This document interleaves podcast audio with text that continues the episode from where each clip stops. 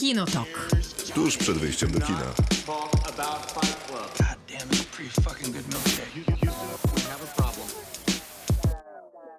Krzysztof Majewski. Miłosława Bożek. Maciej Stasierski? Ten program nazywa się Kinotok. Trwa dwie godziny, czyli od 22 do północy w każdy poniedziałek, a w każdy wtorek pojawia się trochę ponad godzinny podcast z naszych rozmów o filmach, które i serialach recenzujemy, a także o w robocie, które za moment dzisiaj o blockbusterach będziemy rozmawiać, które bardzo pasują nam do lata. Nie dość, że kina otworzyli, to chyba jeszcze pójdziemy niebawem na jakieś kino plenerowe.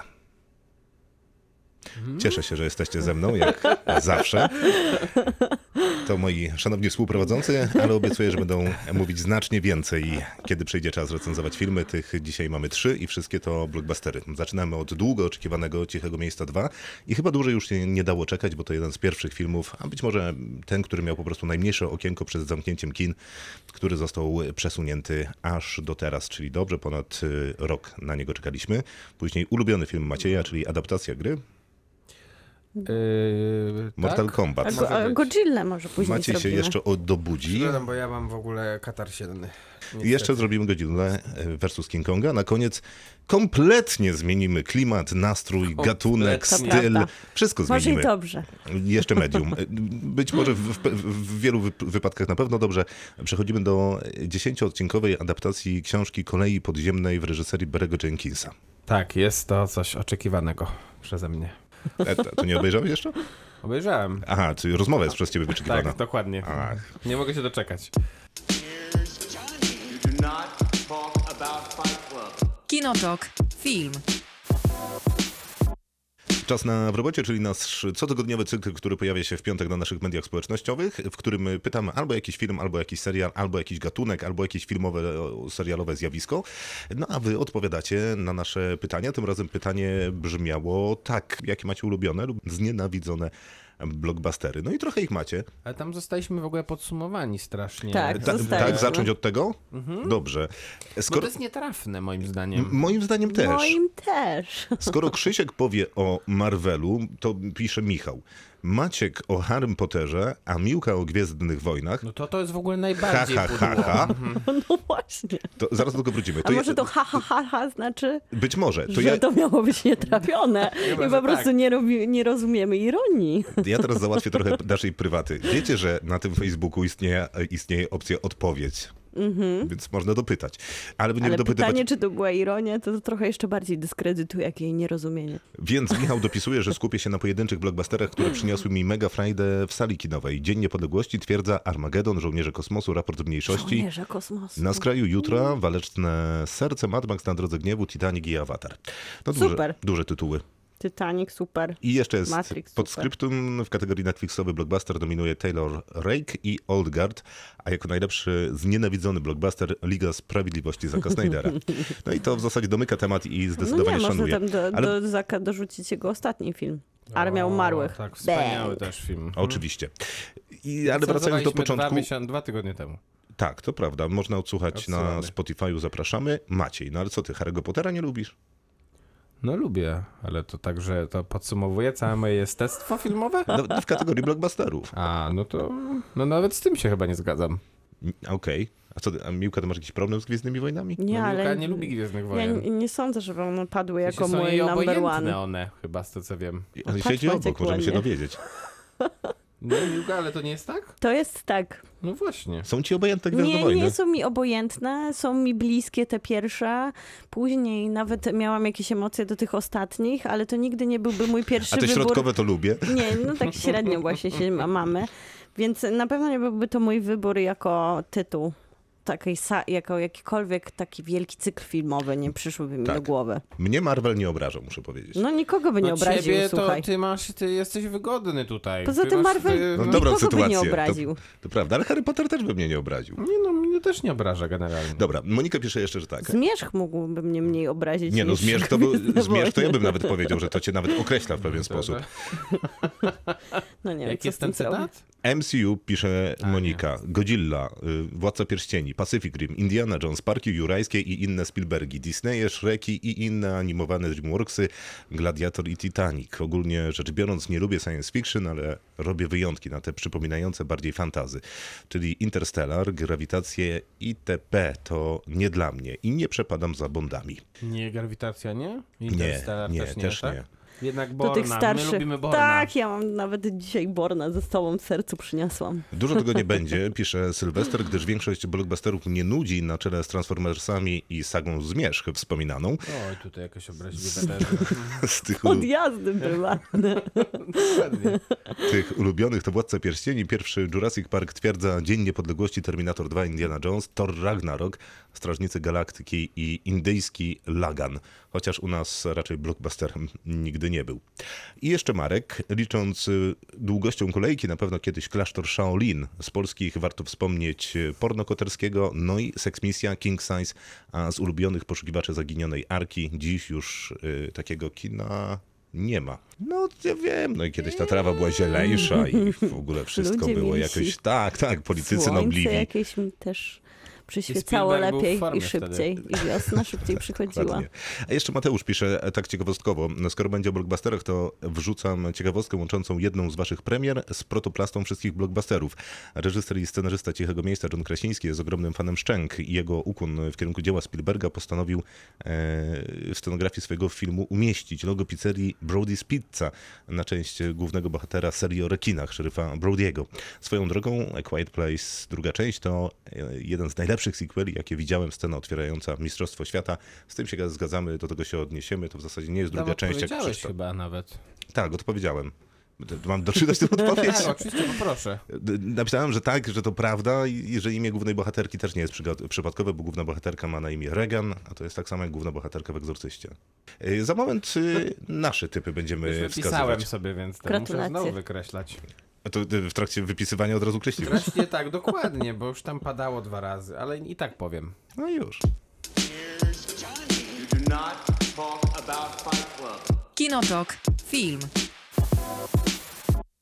Czas na naszą wersję w robocie, czyli Myślałam, dorzucamy na- nasze ulubione blockbustery i ważne dla nas blockbustery. No właśnie, y, no Myślałam, Miłka. że powiesz, że klasyczne pytanie. Czy blockbustery były Nic dla takiego, was ważne? absolutnie nic takiego nie mówię. Czy blockbustery zmieniły wasze życie w którymś momencie?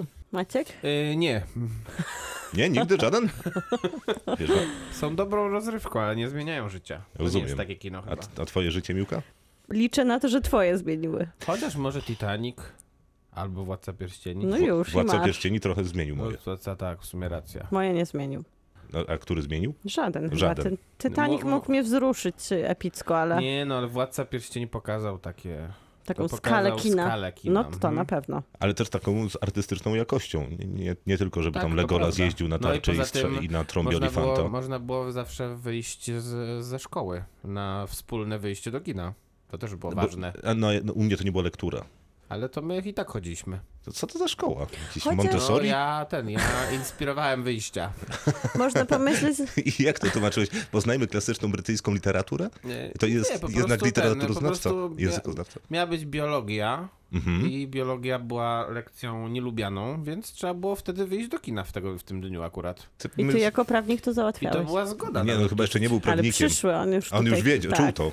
Ale trochę można powiedzieć, że na przykład Blair Witch Project, który już tej współczesnej definicji blockbusterów funkcjonuje, zmienił trochę takie moje postrzeganie kina, bo okazało się, że z takiego super małego kina, które mogłabym zrobić ze znajomymi tak naprawdę, gdybym miała dobrych scenarzystów w grupie znajomych i Miała całkiem dobrych- udanego reżysera. Miał dobrych znajomych, zdolnych, z przyszłością. To okazuje się, że każdy z dobrym pomysłem może zrobić kino, które się sprzedaje świetnie na całym świecie. To prawda. Ja chciałbym powiedzieć, że ten Władca Pierścieni zmienił moje życie, dlatego że kiedyś poszedłem zamiast na Sylwestra, to poszedłem do kina na premierę Władcy Pierścieni. To już też wiedziałeś, co w życiu będziesz robił. A ile miałeś lat? No nie mało, bo to był chyba drugi Władca Pierścieni, w sensie Władca Pierścieni Dwie Wieże. No to jeszcze chyba byliśmy w gimnazjum, nie? No, Nie, dwa- nie. No, jak? Bardziej chyba w liceum? Nie, Może gimnazjum? już nie, jeszcze nie chyba. No więc, mi się. no dobrze, no ale mo- To mogłem jeszcze wtedy... nie miałeś 18 lat, no to... No, ale mogłem Co dokazywać. miałeś robić na tym, wesel, na tym Sylwestrze? Na jakim weselu? Co, na Sylwestrze, co miałeś robić wtedy? No nie, no to świętować, cieszyć się. Ale jaki... sp- Aha, no no tak. Tańczyć, dokazywać, pić Harce napoje. i swawole. A poszedłeś do kina grze, grzecznie. No, super było. No to zmiana życia faktycznie. Dobra, por, Diametralna. porozmawiamy o tych blockbusterach.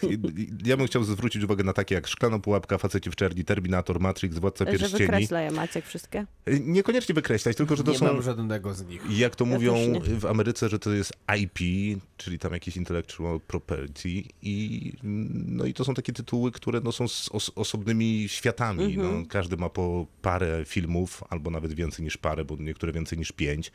No i są takie tytuły, które najprawdopodobniej zobaczymy kolejne części, prequele, sequele, rebooty, remake'i za x lat. I to myślę, że ten x wcale nie jest duży, za 2 do 5 pewnie. No przecież Matrix to chyba się Już W tym się roku. szykuje, tak? już No się szykuje. Matrix już w tym roku, szykuje. Szklana Pułapka pewnie będzie, Facecie w czerni po Facecie w czerni International prawdopodobnie trochę muszą poczekać. albo odświeżą jakąś formułę. Tak bardziej radykalnie, bo ta ostatnia się nie udała. A tam Chris y, Hemsworth, Tessa Thompson chyba Tak, jeszcze, y, tak więc było. było. niby mocno, a było A, było fatalnie. fatalnie. Y, Matrix pewnie przeze mnie wyczekiwany, Władca Pierścieni, no to wiemy, że powstaje serial, Najdroższy podobno w historii telewizji. No właśnie, że- Epickie słowa. żeby było lepiej. Game changer. Szklana, Dokładnie, będzie kolejny dla Krzysztofa. szklanych pułapek, Sylwester z Amazonem przed telewizorem tym razem. tak, szklanych pułapek już było tyle, że no dajcie spokój. Terminatorów w ostatnich dwóch latach były chyba ze dwa, więc no chyba No dzieje się. W wystarczy. tym żaden dobry. Maciej, co masz? E, już mówię. Mam tak, Dzień Niepodległości. Był tam już, ale on musi, bo tutaj sobie go podkreśliłem akurat, więc to jest ważne. Dziękujemy, dziękujemy. Wspaniały film. Wspaniałe. Wspaniały, wspaniały film. E, Tato mi go pokazał kiedyś i wtedy mu podziękowałem I oczywiście. wtedy był ten moment, kiedy zmieniło się twoje życie. Tak, e, to Zwłaszcza, jest że- A pozdrawiamy tatę. Oczywiście, wiadomo, zawsze. Y, Tam jest taka imponująca scena, jak te wielgachne statki, które są w zasadzie takimi wielkimi talerzami, y, przekracza, Przysłaniają prze- niebo. Tak, ale też przekraczają linię chmur, jakby z, najpierw Tak, tak, tak jest. nadymają te chmury, a one później z nich wylatują. I To jest jakiś dzień, taki moment, ale który się zapamiętuje. jedynka, bo dwójce jest podobny i dwójka jest fatalna. Tak, nie ma absolutnie nic dobrego w dwójce. Y, Speed niebezpieczna prędkość. Wspaniale. Mam obie Bardzo części nieudany wpisane. drugi I druga dru- część sequel też słaba. straszny. Nie zgadzam się. Nie zgadzasz się? Lubię obie. Bardzo nie lubię sequela. Y, obcy. No, ale tu musisz określić, który. No, ja najbardziej lubię Obcy decydujące starcie, czyli drugą część w reżyserii Jamesa Camerona. E, co dalej ja mam tu jeszcze? Mad Max na drodze gniewu, to tam chyba padało parę razy. E, Batman Tima Bartona, mój ulubiony. Reżyser. I, I mój ulubiony reżyser i mój ulubiony Batman też. Przepraszam, że ja tak brzmię, ale po prostu e, po Wiosna. prostu naprawdę jest niedobrze z moim nosem. Face Off bez twarzy, film Johna Woo z, z Johnem Travoltą i z Nicolasem Cage'em, w którym zamieniają się twarzami. Jest Wspaniały to tuzy kina, rewelacyjny film, które- ale film rewelacyjny. To prawda. Dystrykt 9 Nila Blomkampa, czyli jego debiut e, i naprawdę wspaniała robota. Czapi? Chapi nie lubię, Też nie lubię. bardzo nie lubię. To się chyba nie da lubić A szapim. Elysium? Lubię, No tam bez, prze, bez nie jest źle, myślę. ja lubię. No, ale nie jest dobrze. Nie, A no, tam Bli- chyba nie, nie, to nie ma takiego znaczenia. Neil Blomkamp generalnie Więc skończyliśmy omawiać karierę Nina Blomkampa. miał... Tak, Tak, a e, Kiedyś miał robić obcego. rebootową serię Planety Małp, myślę, że to też jest e, wyśmienity blockbuster. Z Endym Serkinsem. I tego mamy chyba trzy części, albo cztery. Cztery. Trzy albo cztery. Mi się zlewają, natomiast ta pierwsza była bardzo dobra, Tak. a te drugie mi się zlewają, więc stwierdzam, że nie były takie dobre. I na koniec ścigany. Yy, Z Tommy Lee Jonesem? z Tommy Lee Jonesem yy, i z, z Harrisonem Fordem. Taka klasyka yy, kina, które było pokazywane rzeczywiście o 20 w, w polskiej telewizji w piątek. Yy, natomiast myślę, że jedna, jedna z najbardziej takich yy, yy, rzeczy, jeśli chodzi o kino sensacyjne, które się naprawdę nie najgorzej zestarzała. A poza tym, no, postać Samuela Gerarda, które, którą gra właśnie Tommy Lee Jones, jest, jest postacią, wydaje mi się, już ikoniczną, jeśli chodzi o popkulturę. No, No i tam- nawet Killer przecież nawiązuje do Tak. tego filmu. Na sam Tommy Lee Jones przecież za taką rolę dostał Oscara, więc to naprawdę pokazuje, że ten film też się wybił poza samą bycie gatunkiem czy blockbusterem. Jasne. I to ode mnie tyle, dziękuję. Dziękuję. Y, Miłka, czy będziesz mówiła bardzo długo, czy możesz powiedzieć krótko? Ja zawsze mam nadzieję, że będę mówiła krótko. Okej, no to My również. zaraz wracamy. Kinotok. Film. Filmy, czyli blockbustery, o których dzisiaj rozmawiamy. Maciek polecił parę. Miłka, co dorzucisz? No ja, ja tak bardzo miałam problematycznie się zdecydować, bo tak dużo jest tych blockbusterów i tak dużo nasi słuchacze świetnych sentymencie może. No troszkę wybrałam sobie reżyserów, którzy się specjalizują w blockbusterach i oczywiście tutaj wcześniej były wymieniane Szczęki, to też dlatego, że one w ogóle zmieniły tak naprawdę sam gatunek blockbusterów, bo najpierw e, to były po prostu takie wielkie filmy, jak Przeminęło z wiatrem, czy nie wiem, Ben, ha, ben Hur, takie epickie doświadczenia filmowe Znaczy, były nie możemy nazywane. Ben Hura y, porównywać do y, dzisiejszych blockbusterów, bo to tak jak porównywać, nie wiem, Kwowadis czy Krzyżaków No do właśnie. współczesnego kina. I dlatego to szczęki zmieniły tak naprawdę trochę twarz blockbusterów. Później Gwiezdne Wojny rok później się pojawiły z takim przelotem e, rocznym. O, Gwiezdne Wojny wymieniłam.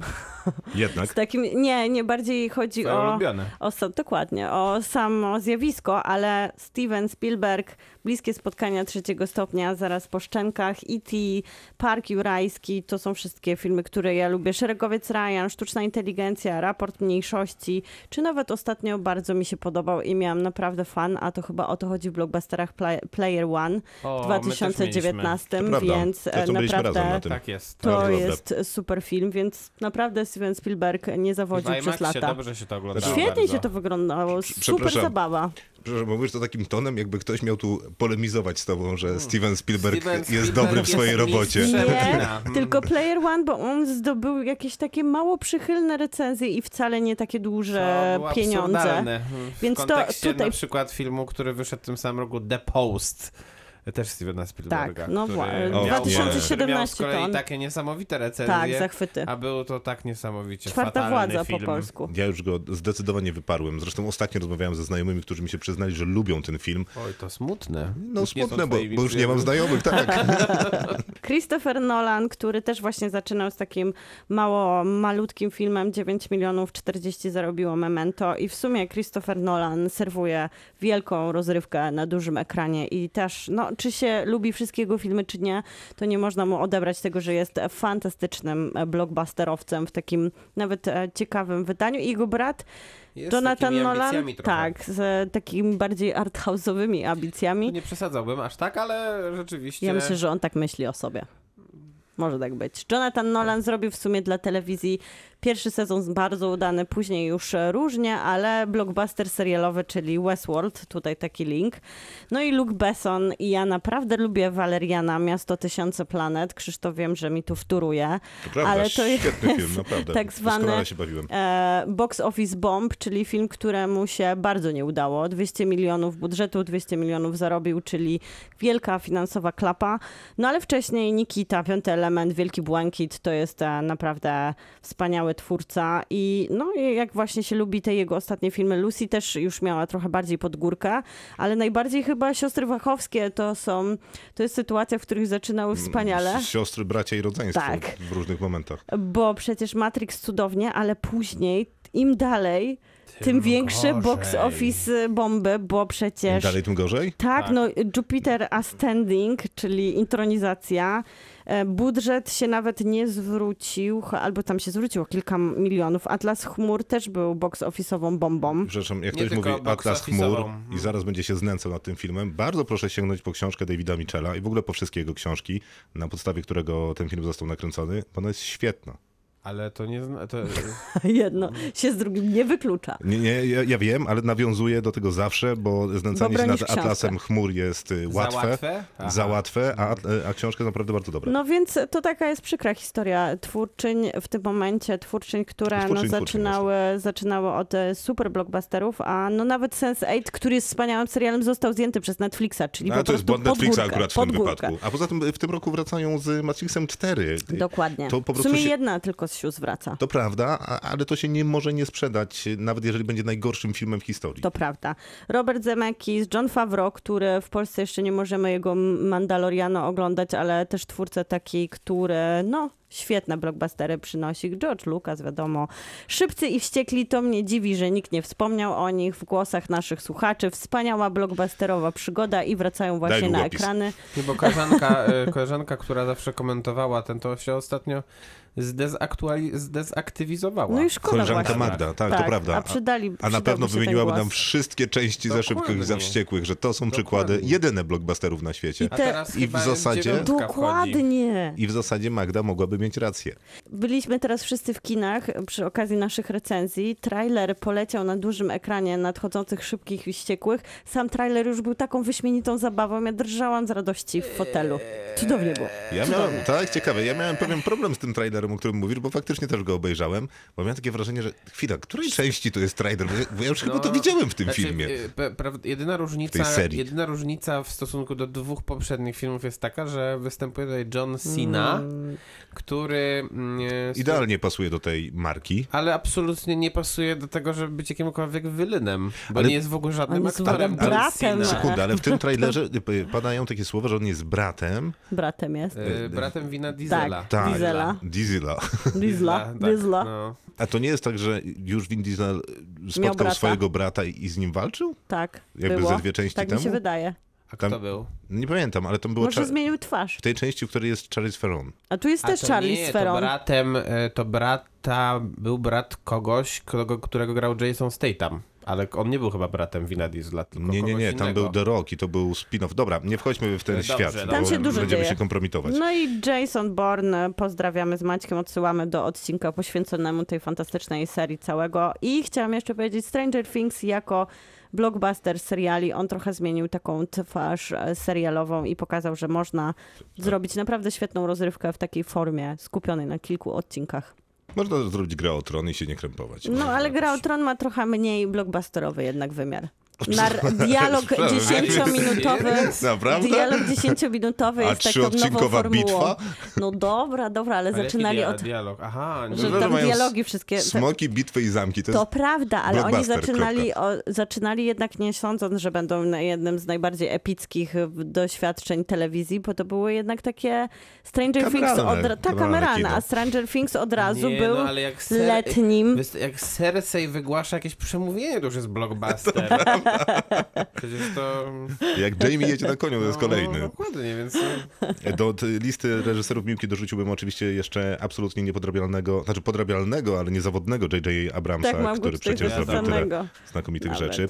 Zresztą mówiło się o nim przez lata, że to jest taki rzemieślnik, że jakaś właśnie jakaś seria, jakaś franczyza upada, to się dzwoni do J.J. Abramsa, bo on zrobi to I co najmniej przyzwoicie. Reanimuje. No, i, tak trzeba mu oddać Star jeszcze Trek, Gwiezdne Wojny. Lostów, którzy w sumie byli pierwszym blockbusterem telewizji, naprawdę fantastycznym Mm, i cudownie udanym. E, Więc tak szeroko, Indiana Jones, Gwiezdne Wojny, DC, Marvel, Jurassic Park, wszystkie Szeroko. Batmany, Matrixy, Wziął Szczęki. wziął Terminator, do. Obcy, Powrót do przyszłości, Władca Pierścieni to są te takie wielgachne marki, które rozpoznawalne są na świecie i każdy z tych filmów z drobnymi... Jasona Borna tam nie ma? Jason Bourne też, z drobnymi wyjątkami zarobiały bardzo Impossible. dobrze. E, jeszcze raz? Mission Impossible. No Mission Impossible, tak, tak, to na pewno. Bondy. Bondy też, no dużo tego jest. Jest. Ale to już A to były te nie twoje samych ulubione, czy- Nie, nie, to tak, żeby trochę sobie uporządkować A rzeczywistość. ulubione twoje jakie są? Y, Bardzo lubię właśnie Speeda, o którym wspominałeś. Y, To jest takiego kawał dobrego... To teraz Słuchawki obroń mi się drugą psują. część. No właśnie, zrób to. Przecież druga część jest taka sama jak pierwsza, tylko że płyną statkiem. No ale No i- nie ma Keanu Reevesa. No to jest jedyna różnica. No i No to i jest to jest, fatalne. to jest fundamentalna różnica. Fatalne, No, no. słuchaj, O w tym autobusie buduje ten film. No ja nie wiem, mi się buduje ten film na tym statku też jest jakby jest idealnym sequelem, nie? Zamiast e, autokaru mam statek, Nie, no, ale czyli jest, wię- jest więcej. Sequelem by był, gdyby, Nie, jednak- gdyby zaproszono jednak do kontynuacji bohatera Po jedynki. pierwsze tak, nie No ma pewnie się nie dało, nie, nie dlatego, po że nie drugie, chciano. Yy, Statek no, i autobus nie jest słabym porównywalny. villainem jest Willem Dafoe. Słuchaj, ja wytłumaczę ci, dlaczego lubię Speed 1 i 2. Dlatego, że z blockbusterów, y, przy których niespecjalnie muszę myśleć, jest y, pałam sympatią do wszystkich trzech liberatorów.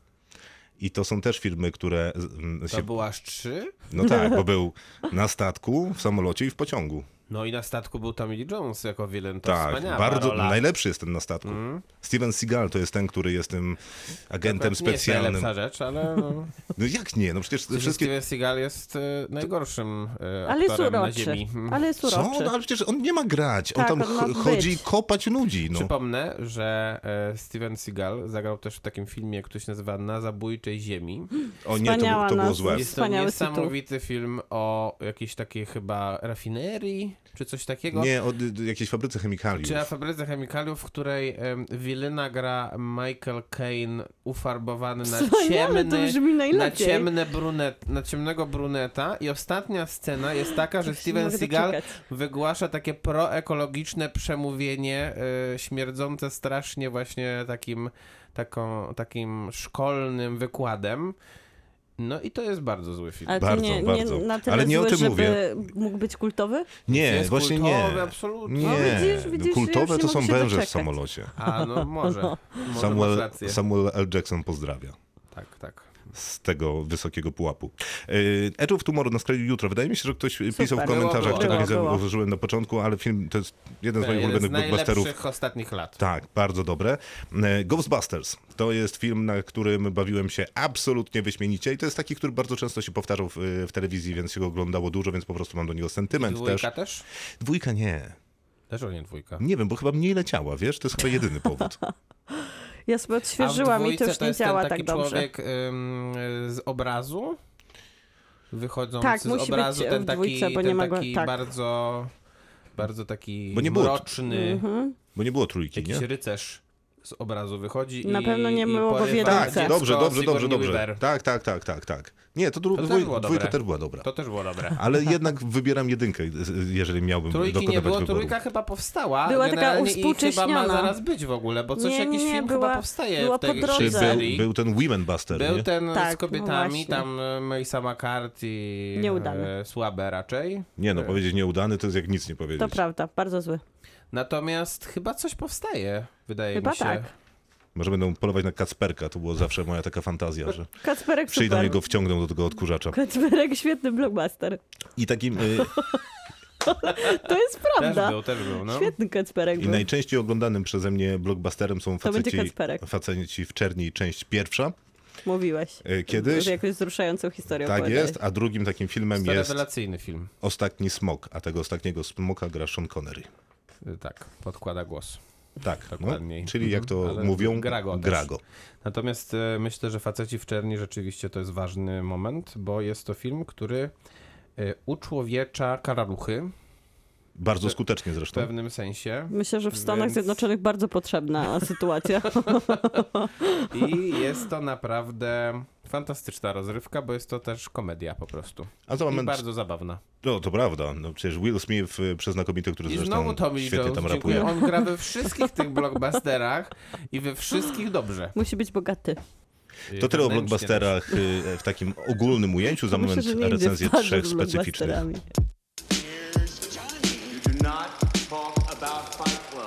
Kinotok. Film. Długo czekaliśmy, ja na pewno długo czekałem na film Ciche Miejsce 2, no bo czekaliśmy przeszło rok, nawet dłużej, no bo przecież Dłużej. film zapowiadany jeszcze przed seansem. Yy, No a to taki film, na który najdłużej czekaliśmy, bo jako pierwszy przesunięty. John Krasiński reżyseruje, Emily Blunt yy, w roli głównej, partner, partnerzy poza ekranem, Killian Murphy, Nawet małżeństwo. Małżeństwo z dziećmi. To też partnerzy, nie? Tak, zgadza się. Ale tacy formalnie też. I Tak. to jest też świetny przykład tego box office'owego boomu, czyli prawdziwego blockbustera, bo 17, no tam o, 20 milionów był budżet pierwszego cichego miejsca w 2018, a skończył z 340 milionami, więc był to wielki, wielki hit.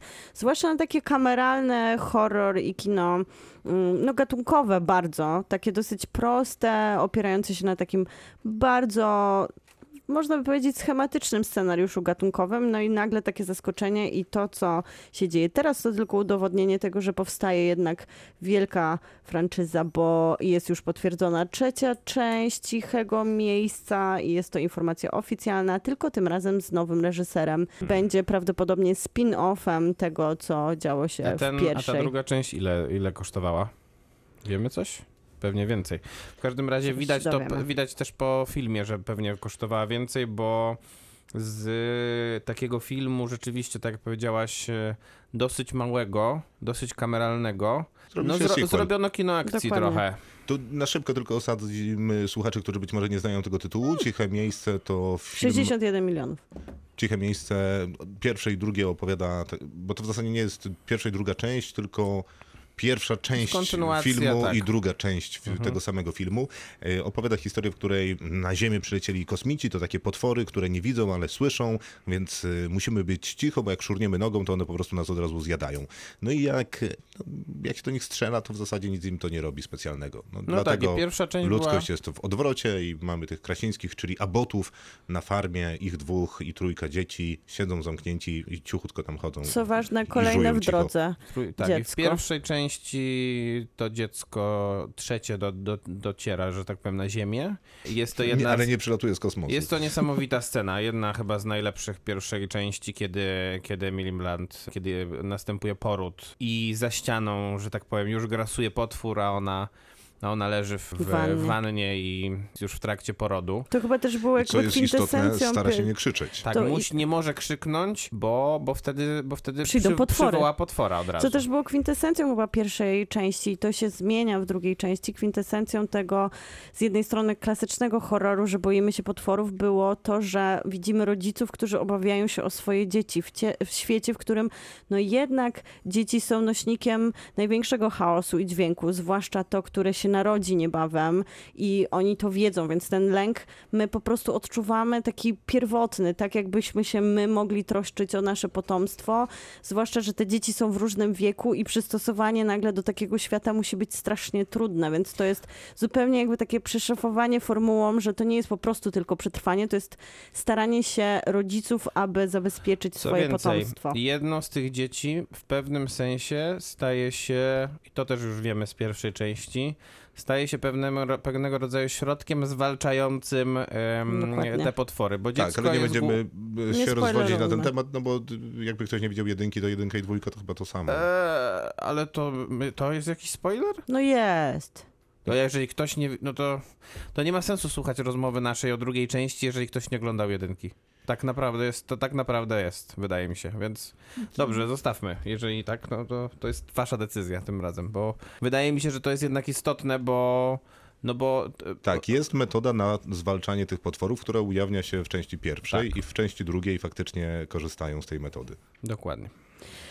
Ciche Miejsce 2 otwiera fantastyczna scena, która tak naprawdę przenosi nas do. No w ogóle pomysł na to, żeby. Bo to chyba to też jest istotne i w pierwszej, i w drugiej części jest tego kontynuowanie, że mm, co często jakby wydaje mi się jest potknięciem takich mniejszych horrorów, stara się strasznie wytłumaczyć skąd potwory przyszły i dlaczego są i co one robią i w ogóle jaki mają interes w tym, że najeżdżają ziemię. Na szczęście Ciche Miejsce zupełnie nie interesuje się genezą O tak. pojawienia się tych potworów, skąd one przyleciały, czy one się komunikują, jakie tak naprawdę są ich cele. Nie jest to ważne, wiem- ważne jest przetrwanie i trochę tutaj ta Nie wiem, czy pierwsza... pamiętasz, jak załatwia to pierwsza część, a załatwia to takim whiteboardem, czyli taką tablicą, po której można pisać markerem i tam jest napisane monsters, dwukropek, podkreślone i są cztery myślniki. I że y, tam dźwięk, y, zbroja, w sensie, że mają jakiś armor, No tak, ale to jest jeszcze bardziej- jakieś dwa inne myślniki. To jest bardziej charakterystyka od opisówka, nie? potwora. Tutaj mamy rzeczywiście w tej pierwszej scenie... Ja, ja rozumiem, o co Miłce chodzi, zgadzam się, dokładam dowcip. I jest to fantastyczne, że w tej drugiej, w drugiej części dostajemy taki trochę prequel, czyli opowieść, co się wydarzyło jakby w momencie, kiedy pojawiają się Dzień ci pierwszy. obcy, tak, Tak, dokładnie tak. dzień pierwszy, ale dalej to nie jest dopisywanie jakiejś Nie, nie. mitologii, To jest która taki, buduje To jest tych taki obcych. klasyczny pacjent zero po prostu w postaci tej sceny, która, która otwiera tą drugą część. Natomiast później już przeskakujemy do momentu, kiedy zakończyliśmy y, przygodę z tą rodziną w części pierwszej. A zostańmy przy tym wątku jeszcze Tak, na moment. zostańmy. W sensie, dlaczego wam to tak bardzo odpowiada, że nikt nie tłumaczy, skąd się wzięły te obce? No bo dla mnie to jest pierwsze pytanie do zadania obu filmom. A po co? No nie wiem, no bo jestem Bo widzem i inną chcia- historię. chcia- chciałbym znać kontekst. I jeżeli byś chciał opowiedzieć ich kontekst, to musiałbyś stworzyć inny film, bo tutaj nie ma miejsca na dzielenie Znaczy się tymi nie- historiami i dzięki temu ten scenariusz Przecież jest są- taki spójny i Przecież kompletny. są przebitki z gazet, z jakiegoś CNN, to wystarczyło, żeby mi ktoś powiedział. No, to mądry, No ale nau- to pewnie tego mądry, nie... nau- mądry naukowiec brytyjski Ale Ale, to nie, jest- ale nie uważasz, że jednak to, to wy... to chyba wynika z tego, że trzeba byłoby stworzyć wtedy takie jakieś olbrzymie uniwersum z, związane z tym. Zrobią to w trzeciej części. Tak No być będzie, może bo tak będzie, będzie. nowy, jest nowy scenariusz, będzie nowy Być może reżyser. tak będzie Jeff rzeczywiście. Nichols. I myślę, że, ale z drugiej strony myślę, że właśnie kwintesencją tutaj jest opowiadanie, w pierwszej części ona była bardzo emocjonalna A i bardzo od- taka dramatyczna, Nie ale mówię, żeby cokolwiek w tym zmieniać, sensie, że pomyśl sobie, że jesteś filmu. rodziną, którą to spotyka i tak naprawdę ciebie za bardzo nie interesuje, po co ci obcy przylecieli skąd. Chcesz tylko przetrwać, urodzić dziecko, zbudować jakąś arkę możliwą, która No, ja nie ochroni... interesuje. No zawsze sobie zadajesz pytanie, dlaczego? Dlaczego my? Dlaczego w moim czasie? Dlaczego kiedy urodziłam trójkę dzieci? No w drugiej części tym bardziej takiego pytania nie zadajemy, bo w drugiej części z kolei Krasiński raczej tworzy historię polegającą na tym, że ta rodzina zaczyna poszukiwać, czy ona jest jedyna, która przetrwała, bo musi szukać nowego miejsca. Bo to Tak, to stare prawda. zostało zniszczone. To, to też mam do was takie pytanie, bo faktycznie film zamienia się z takiego jesteśmy na farmie, radzimy sobie w nowej rzeczywistości, w której musimy być cicho, pojawiają się potwory, też musimy sobie z nimi radzić, no jednak nasze zabezpieczenia nie wytrzymały. Tak. No jest ta druga część, no wiemy, że zabezpieczenia nie wytrzymały i muszą się przenieść, no bo tam, no właśnie, dlaczego oni się przenoszą? No bo większa część tej infrastruktury została zniszczona. Dla No, mnie to jest niespecjalnie. takie... W zasadzie tylko Nie, no, jeden, jedno pomieszczenie z całej farmy. No nie, no ale też tam, tam chyba był jakiś taki, to było takie chyba, nie wiem jak to się nazywa, to miejsce, gdzie, czy... gdzie, gdzie, tam, gdzie to całe zboże chyba było, Mhm. tak? I to też zostało zniszczone, więc nie będzie za bardzo jedzenia zaraz. Tak, no nie przetrwa. No nie, wydaje nie mi się, że wydaje mi się, że musieli zacząć poszukiwać, a poza tym, no to znowu bym spoilerował, więc nie będę spoilerował, ale może, może chcą się wynieść z miejsca, które im przypomina jednak o jakiejś tragedii rodzinnej też. Tak, to jest, akurat, to jest niezła argumentacja, bo wydaje mi się, że akurat tego jedzenia mieli tam pod dostatkiem, a większym ryzykiem jest jednak jakby przemieszczanie się niż No na pewno, tak? Szczególnie, że, miejscu. szczególnie, że to miejsce jest dobrze jednak zabezpieczone, bo są te wysypane, nie wiem, na ziemi te jakieś Piasek. tam piasek, piaski, że można chodzić, że można chodzić na, na, jak się chodzi na boso, no to nie słychać, że się chodzi. z jednej strony ta trauma, z drugiej strony w jakiś sposób prawdopodobnie to, że zmieniła się ta rodzina i jej układ, oni też poszukują czegoś, jakiejś takiej możliwej siły, która by pojawia, pojawienia się nowych członków, którzy zapewnią więcej, nie wiem, bezpieczeństwa i możliwie środków do przetrwania. No i pojawia się ten nowy członek, bo generalnie można powiedzieć o tym, y, to, To chyba to wynika pokazuje. ze zwiastuna, więc to nie jest żaden spoiler, że nową postacią w filmie jest y, bohater grany przez Cilliana Murphy. I to jest strasznie zabawne. Naprawdę, ka ka każdą postać, którą chciałbym spotkać w Apokalipsie, jakbym był samotny, To jest naprawdę Cillian nie jest Killian Murphy, którego, wiecie, znamy jako Scarecrow'a z Batmana. Ale 27 jako... dni później było idealnym takim preludium. Przecież świetnie sobie radził w apokalipsie zombie. Ja, ja bym powiedział, że on jest taką postacią, która nie wiem, czy wbije mi nóż w plecy, czy y, jednak da mi obiad. Trochę, No, ale- tak, sa- trochę tak też jest tutaj stworzony. Właśnie, jest Tak, wykreowany, tak. Ale też jest taką postacią. Ja mówię o tym, że ja bym go nie chciał spotkać w Apokalipsie jeden na jeden, wiesz, w ciemnym lesie na Peaky ścieżce. Blinders sobie tak dobrze radził i tyle przetrwał, że Podżywa, może... w podrzynaniu tak, gardeł, to myślisz prawda. No. Okej, ten, chłop- ten mężczyzna przetrwa każdą sytuację. No ale Więc- on rzeczywiście, on, on, on ma taką aurę rzeczywiście, taką pozytywno-negatywną. Nawet w Dunkierce, gdzie był tym takim, grał tego takiego żołnierza, który tam jest, przeżył, przeżył chyba ten No wypadek, z tak? tych żołnierzy. No i w końcu jakby doprowadził do śmierci jednej z postaci. Czyli ten dualizm, Skonfliktowana postać.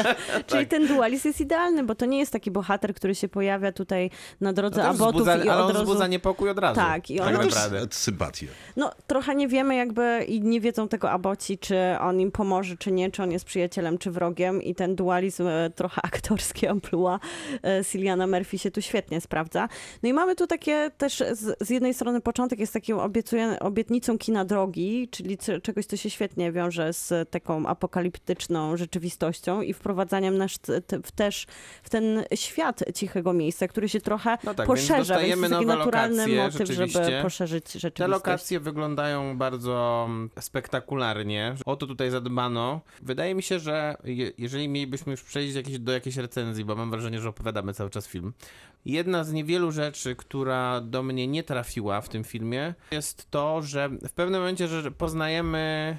W pewnym momencie pojawiają się nowi bohaterowie w tym filmie, którzy są w pewnym sensie nienazwani.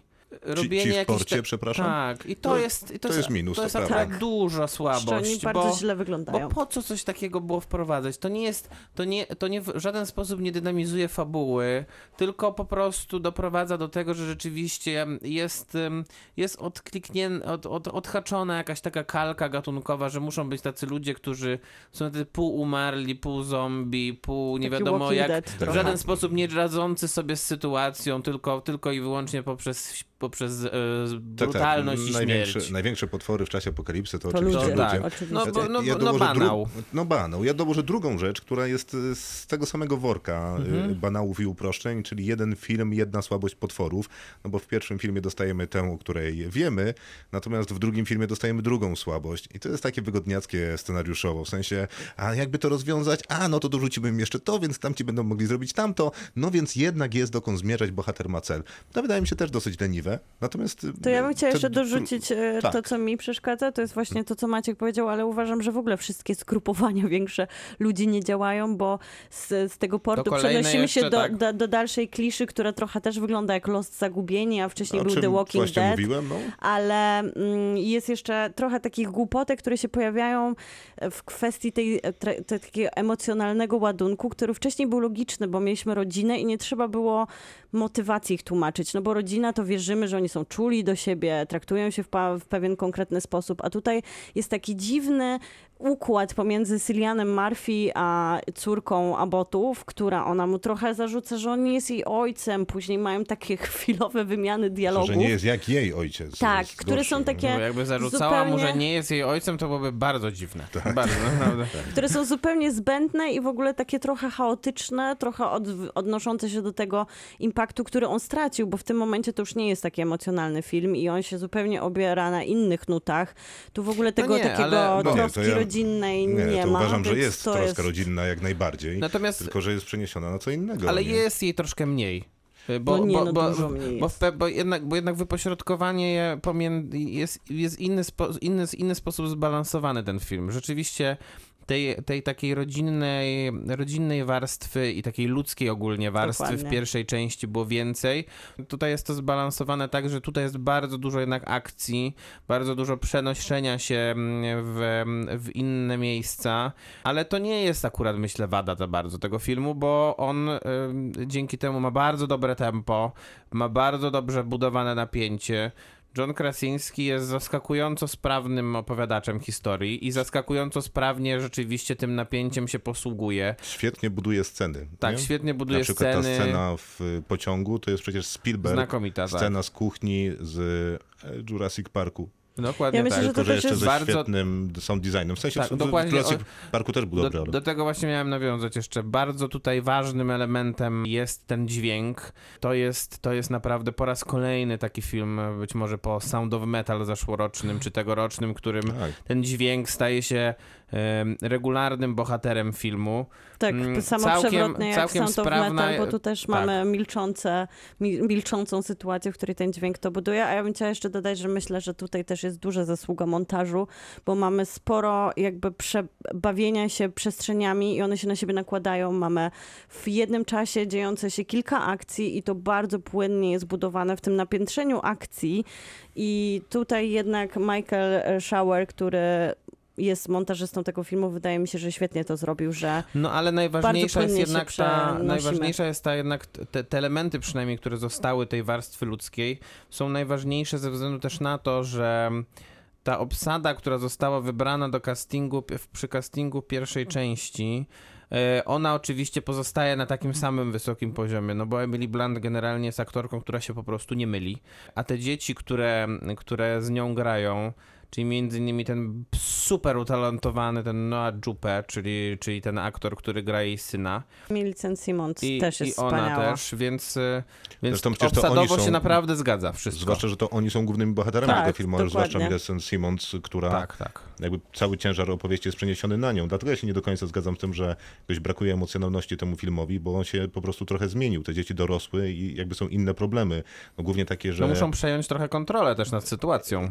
Tylko Pierwszy że, raz. Tylko, że są nastolatkami i podejmują Tak. same złe decyzje. I mimo tego, że y, Emily Blunt czy e, Killian Murphy cały czas mówią im, co mają zrobić, jak mają zrobić, żeby nie było źle. No, nie robią inaczej. dokładnie. I kończy się fatalnie, tak, szepczą oczywiście, a nie mówią. E, Ta pierwsza scena, która nam gdzieś uciekła, to jest fantastyczna robota i edytorska, i e, Operatorska, operatorska. tak. Tam jest taka Dokładnie. przepiękna scena, jak John Krasiński wysiada ze swojego pick-upa i kamera, kamerę ma jakby przyczemioną do ramienia. No to jest fantastyczne. A później jest ten samochód policyjny z potworem. To cała sala w kinie, z którą siedziałem, uderzyła głową o sufit, tak wysoko podskoczyli z przerażenia. No ale to... Bo I to ta, napięcie, cały film siedzimy na... Cały film. bo ta Wow, scena... ja bo byłem ta, zmęczony. to jest bo to trwa niezdrowe. 90 tak, parę to minut. prawda. To ta, To jest scena, ta scena generalnie robi takie wrażenie trochę prawie, że mastershota. Mhm. Oczywiście Bo to jest Master Shot, tylko że on się przebija na Tak, tak. postać Emily Blunt. on się przebija na postać Emily Blunt, bo tam są też sceny z tego, z tego baseballu, tak? Baseballu. Baseball, dobrze Baseballu. pa- zapamiętałem. Mała liga. Które nie są mastershotem zrobione, ale wszystkie te inne na tych ulicach już, już taki, tak wyglądają przynajmniej. Ja chciała, Jaka to ocena? ja bym chciała tylko dodać do tego napięcia, że to jest niesamowite, Będzie że mówić przez szybciej cały ten, tak będę mówić szybciej, że przez cały ten film ono tylko wzrasta i tak jak mówisz pod koniec jest nie do zniesienia, ale całkiem nieźle śledzimy, co się dzieje, gdzie się dzieje i to jest bardzo sprawne, bo często te filmy przez budowanie napięcia Jeszcze tracą wątki. Ja 9 na 10. U, dziewięć. 9. Ja, chciałem dać dziesiątkę, ale wydaje mi się, że tam jest parę kalek i klisz. To ja chciałem dać siódemkę, ale dam ósemkę. Dopowiem tylko, że być może też przez to, że to była moja y, pierwsza blockbusterowa wizyta w kinie na filmie, który bardzo się udał. Być może w normalnych warunkach byłoby Jeszcze to to mniej. sequel, a to nie zawsze się udaje. Prawda.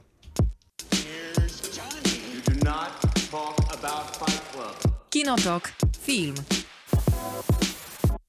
No więc y, na film, na który czekałem najdłużej w czasie pandemii, Ciche Miejsce 2, w pełni mnie usatysfakcjonował. Y, Drugi film, na który nie czekałem, o którym dużo się mówiło, to Godzilla vs. Kong. I on cię już nie usatysfakcjonował. Uwaga, uwaga, może Krzysztof jakoś nas tu zaskoczy. Nie, Godzilla vs. Kong jest w ogóle filmem absurdalnym. Zupełnie go nie rozumiem. Y, To Witaj w naszym świecie. Szyb, szybko wyjaśnię, że Godzilla państwo znają, Konga, czyli King Konga też państwo znają. Tak. King Tak. Kong trochę urósł, żeby być jak Godzilla, czyli wielkości wieżowca. No i z, jednego i, z, i drugiego powodu muszą się ze sobą zmierzyć, bo coś tam predatory alfa. Bo wojna Generalnie tytanów, no, są- muszą być A one są tytanami, tak, tak. A to jest w ogóle czwarty film Dokładnie. z tej serii. Bo był tak, Godzilla, ten film, gdzie Brian Cranston ginie i tam spadają ci ludzie. Tak, jest Ona z. Hedorą jeszcze Bardzo później dobre. walczy z Potem Hedorą. jest Godzilla... Jak to się nazywało to drugie? No. Ma, Król King- Potworów. Tak, King of Monsters. I tam go walczy z Gidorą. Tak. E, w międzyczasie jest King Wyspa Kong, Czaszki. Wyspa Czaszki z Tomem Hiddlestonem, Samuelem L. Jacksonem i wszystkie te filmy były kiepskie i teraz jeszcze Wyspa nakręcili Czaszki nie była czwarty. zła. Nie, nie, nie było. Ja lubię Wyspę Czaszki. Ja też o lubię. ludzie. Ale spokojnie, o, teraz się ludzie, dogadamy. no. No to jest ciekawe w ogóle taki maraton, który uczyniliśmy sobie, czyli Ciche Miejsce i Godzilla, ponieważ to są dwa filmy z podobnego gatunku, czyli Monster Movie i Ciche Miejsce udowadnia, że da się to zrobić niegłupio i nawet tak naprawdę nadrabiać za bohaterami, za dialogami, za akcją. No a Kong i Godzilla udowadniają, że tam najlepiej by było wyciąć wszystkie dialogi i po prostu pozostawić te dwa tytany, jak się zwalczają No nawzajem. bo tak, generalnie fabuła jest absurdalna, ale e, trzeba ją jakoś, trzeba ją jakoś zarysować. O nie. Wie- Czy Nie, nie? Nie, chyba dobra. nie. Nie, Bo nie udało się to są- scenarzystom, Dobra, to więc ja nie powiedzmy, wiem, że, czy się nam powiedzmy uda. że, że są dwie przestrzenie jakby w tym filmie. Z jednej strony jest ten cały konflikt polegający na tym, że Kong jest Godzilla, zanim goni troszkę tamtego.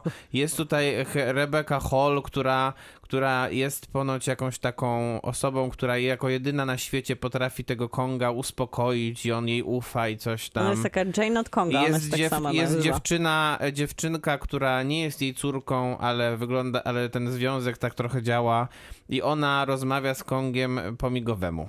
To jest jakby pierwsza rzecz. A z drugiej strony jest e, jakby wątek tutaj, e, uwaga, naukowy, polegający na tym, że mamy ponoć drugą ziemię w środku ziemi, która jest pusta i stamtąd wyszedł Kong, Godzilla i te wszystkie stwory. Hedory inne takie. Tak. Tak. I jeszcze jako trzecie mamy tutaj wątek, który musi być, wiadomo, bo teraz bo teraz każdy kre, e, nagrywa podcasty tak jak ten, więc y, oczywiście jest podcaster, My byliśmy który... pierwsi. Tak, Za- dokładnie. Nagrywaliśmy podcast, zanim to było spoko. Więc jest podcaster, który mm, y, opiera cały swój podcast na teoriach spiskowych związanych z jakąś tam korporacją, w której pracuje. I to jest, uwaga, i absu- czwarty wątek. I absolutnie nie wie, co, o co chodzi w tym. I do tego dołącza jeszcze pani e, Millie Bobby Brown ze Stranger Things, która ona wierzy we wszystkie te teorie spiskowe i ona jako jedyna łączy e, fabularnie poprzednią część z tą aktualną. Nie, nie idź już tam. Ale jest jeszcze czwarty wątek, jest wielka korporacja, która jak zwykle u fundamentu jest zła i ta wielka korporacja chce wyzyskać ten Tak, absurdalny i rządzi środek nią ziemi, jakiś facet, który się nazywał Walter. który się przebrał za, A się i gra przebrał go, za CEO. gra go aktor, który. Y, gra go meksykański aktor Demian Bichir i tak generalnie to troszkę nie działa. No bo trzeba powiedzieć, nic że nie tu działa. nikt nie gra. Jeszcze ma córkę Eize Gonzalez, którą widzieliśmy... Która też nie działa Tak, dobrze. Ojeju. No tutaj nic nie działa, scenariuszowo nic nie działa, poza tym, że jest e, koncept, który no może najbardziej się Ale udał z tego filmu, czyli Nie, ale myślę, że dobrze ci poszło. Dziękuję Myślę, że bardzo. może nawet lepiej niż scenarzystą. Spróbuj to przepisać.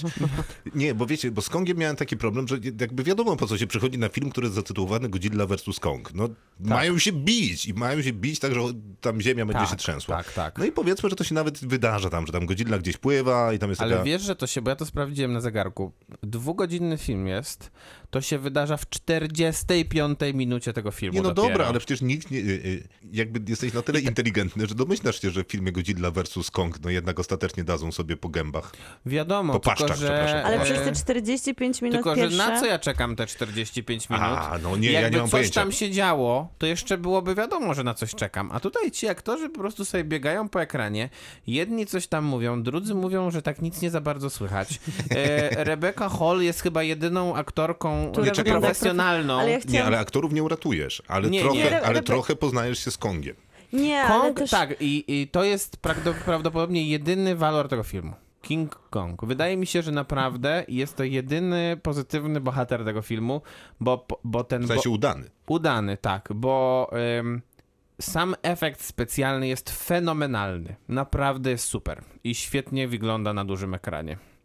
Y, Już sam efekt, efekt specjalny Godzilli już nie jest taki wcale fenomenalny, Jakoś zgrubła. a y, i teraz, no nie wiem czy to spoiler, w sumie nie, E, a efekt specjalny Mecha Godzilli to jest po prostu absurdalna katastrofa. Mam dla ciebie propozycję, Maciej. Za każdym razem, kiedy będziesz się zastanawiał, czy coś jest spoilerem, załóż, że jest. Ale to nie jest ważne, no to jest absurdalna fabuła, w której chodzi o to, żeby, żeby dali właśnie. sobie, jak to powiedziałeś? Właśnie. Dali sobie po mordach i sobie dają, no. Po paszczach. To może być. No ale problem Też jest nie chyba taki... małpa to nie ma paszczy chyba, tylko... Na pewno scenarzyści się nad tym najbardziej zastanawiali. Ale też problem jest taki, że mamy zatrudnionych tutaj niezłych aktorów, a akcja przyspiesza. Oni się też bardzo szybko transformują, bo mamy, mamy ten 45 minut wprowadzenia. Gdzie na przykład e, Skarsgård, który gra trochę, wydaje mi się, że po, pomysł był, że on jest takim współczesnym, tutaj trochę Indianą Jonesem, co zupełnie nie działa i on przyjmuje jakichś naukowców w swojej piwnicy, którzy pokazują naukowców. No oczywiście szefów korporacji który, korporacji, którzy który ma robią mu. PowerPointa, który trwa z 5 minut i słychać tylko takie bla, bla, bla i są fioletowe em, ilustracje do tego. Po czym od razu on się przenosi już taki czysty i ubrany, nie wiadomo czy rok później, czy pół roku później do akcji, do źródła akcji. Tutaj bardzo Nie, pędzimy nie, no szybko najpierw musi wszystkim. porozmawiać z Rebeką Hall, On tam rozmawia żeby jej przez 5 wytłumaczyć, sekund. że tego Konga trzeba wypuścić e, i ona się zgadza. Tak, od razu. I mamy ten, ten cały segment z Millie Bobby Brown, który wydaje mi się w ogóle podrabiany w Stranger Things, w którym Uwaga, ona gra moment. z jedenastkę dokładnie tak samo jak w Stranger Tylko Things. moment, bo jest tak, bo ona, bo Kong Ale generalnie to jest ważna rzecz, e, e, teoretycznie to powinna być ważna rzecz z tej fabuły, która jest absurdalna już na samym początku, bo Kong znajduje się w jakiejś takiej wielkiej arenie, Jest takim do, Truman do, której, do której Godzilla nie ma dostępu, bo jakby miała dostęp, to by go od razu wyczuła. I potem oni go wypuszczają na ten statek i oni sobie tam płyną. Nie, no ale Ona to, się pojawia nie, jakiś, no, jakiś Ale czas. ale o tym mówią, że płyną jakimiś drogami, którymi wiedzą, że Godzilla nie pływa, bo to nie jej prądy. No i co? No, no nie wiem co. Ja, ja miałem większy problem, że Jaki? do tej 40 minuty, czyli do tej pierwszej walki, to ciąg przyczynowo-skutkowy jakby zupełnie nie działa w tym filmie. Ja nie wiedziałem, co z czego wynika, kim są ci ludzie i dlaczego tu Dokładnie. jesteśmy. Bo te wątki są tak wprowadzane, trochę jak takie kostki. W sensie, Eee. to w montażu na pewno, te sceny na pewno zostały nagrane, Tak. a później ktoś bardzo źle zmontował ten film, wywalając chyba co drugą rzecz, mówi, dobra, domyślam się, ja wiem o co chodzi. Tak, dokładnie. Dokładnie tak jest. I to, ma być... to jest nieznośne. Jak- Później jak się biją, to jest dosyć jasno. Jeden ma tam tak. topór, drugi... Nawet nieźle Nie się no, biją. topór może No, jest może być. najmniej z tego wszystkiego jasne, ale okej, niech ma, Aha, niech ma bo wielka się mapa topór. A nie, W to mi sensie- nie przeszkadza. Bardziej, on jest dobra. skomplikowany, bo się ładuje i coś. Przy- przy and skali- my axe. Przy, przy skali jakby bez sensu, nawet na ten rodzaj kina, który gdzieś w pewnym sensie jest usprawiedliwiony, że nie idziemy tam, żeby słuchać dysput o tym, Fizyce skąd się, tak, tak, skąd tak. się wzięły te potwory, jakie są inne światy. No to ta skala piętrzących się bzdur, po te comic reliefy z tymi właśnie, z tym O, tak podcasterem, być, który tak. Miało nagle być wyciąga... śmiechu i nie ma. Zupełnie nie ma śmiechu. Oni też się magicznie przenoszą cały czas z miejsca do miejsca i budują w 5 sekund jakieś, zawiązują jakąś akcję, która nie istnieje. Ciągle rzucając suchary i nie wiadomo dlaczego w ogóle. Ten wątek jakby cały się Do wycięcia. wycięło, to nawet Nie no, Nie. krótszy film się zrobił, ale nic byśmy Ja- nie jak nie stracili. wynika Ja nic. podejrzewam, Sekundę. że mogłobyś sporo zyskać. Przepraszam, jak, jak to I nic ja nie wynika? Przecież weszli do jakiejś takiej wielkiej taksówki, w której były jakieś stwory w jakichś kokonach Nie, i nie, polecieli do Hongkongu. No wszystko jest jasne. Nie, Nie? nie, nie jest bez, Nie, bez, bez zupełnie, sensu. bez sensu, zupełnie zbędne i tak jak mówił Tak, Miłka, jakbyśmy tak. wycięli, byłoby tak Zgadzam samo się. dobrze. No i dochodzimy Znaczy do byłoby tego tak samo źle. No więc co, no fajnie się bili, moim No zdaniem nie. tak sobie. O wiele ciekawsze były te walki jednak w pierwszej Godzilli na przykład, w Kongu W były sensie, nawet no, lepsze. z, z, tych, z tych, tam chyba za trzy czy cztery te walki są. No to, Ja- naj, ja no to najlepsza dwie. jest chyba ta na tym statku. Tak. No najlepsza, no, ale Na do pewno. Pacific Rim to przecież nie ma w ogóle No podjazdu. nie ma, nie, nie A ma. później jest ten podświetlony taki Hongkong i to też trochę jest takie gdzieś na granicy kiczu. Trochę już przestaje, jakby z jednej strony wydaje się, że tam był Ale jakiś miałaś pomysł... ochotę to jeszcze oglądać? Jakby miałaś siłę na to? Nie, nie, już byłam zmęczona właśnie tymi bla bla bla bla bla, które się pojawiały Dobra, w trakcie. zatucz ją, zatucz go, zróbcie co chcecie. Ciągle się zastanawiam, dlaczego to nie mogło być prostsze i ci wszyscy ludzie nie mówili, by tylko zostali zdeptani przez Tytany i upakować tą akcję A w nie, jakieś nie poczułaś, 90 Że minut. ta, że ta teoria tej pustej ziemi to jest coś, co warto, że tak powiem, e, później jednak zainspirowałaś Okej, się. my- okej, będziemy oceniać. I ja daję cztery. No nie, to ja raczej dam trzy, głównie za topór. Jednak? Za to Nie, nie, to, mi- topór jest okej. Właśnie się zastanawiam, czy też daje 3, ale nie za topór.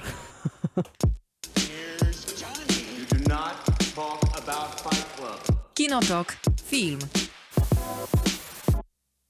No i na koniec y, został nam film... Najgorszy. Na koniec jeszcze przed serialem. No czekajcie, no bo właśnie w tym momencie to wyłączają ludzie, dobra, dowiedzieliśmy się wszystkiego.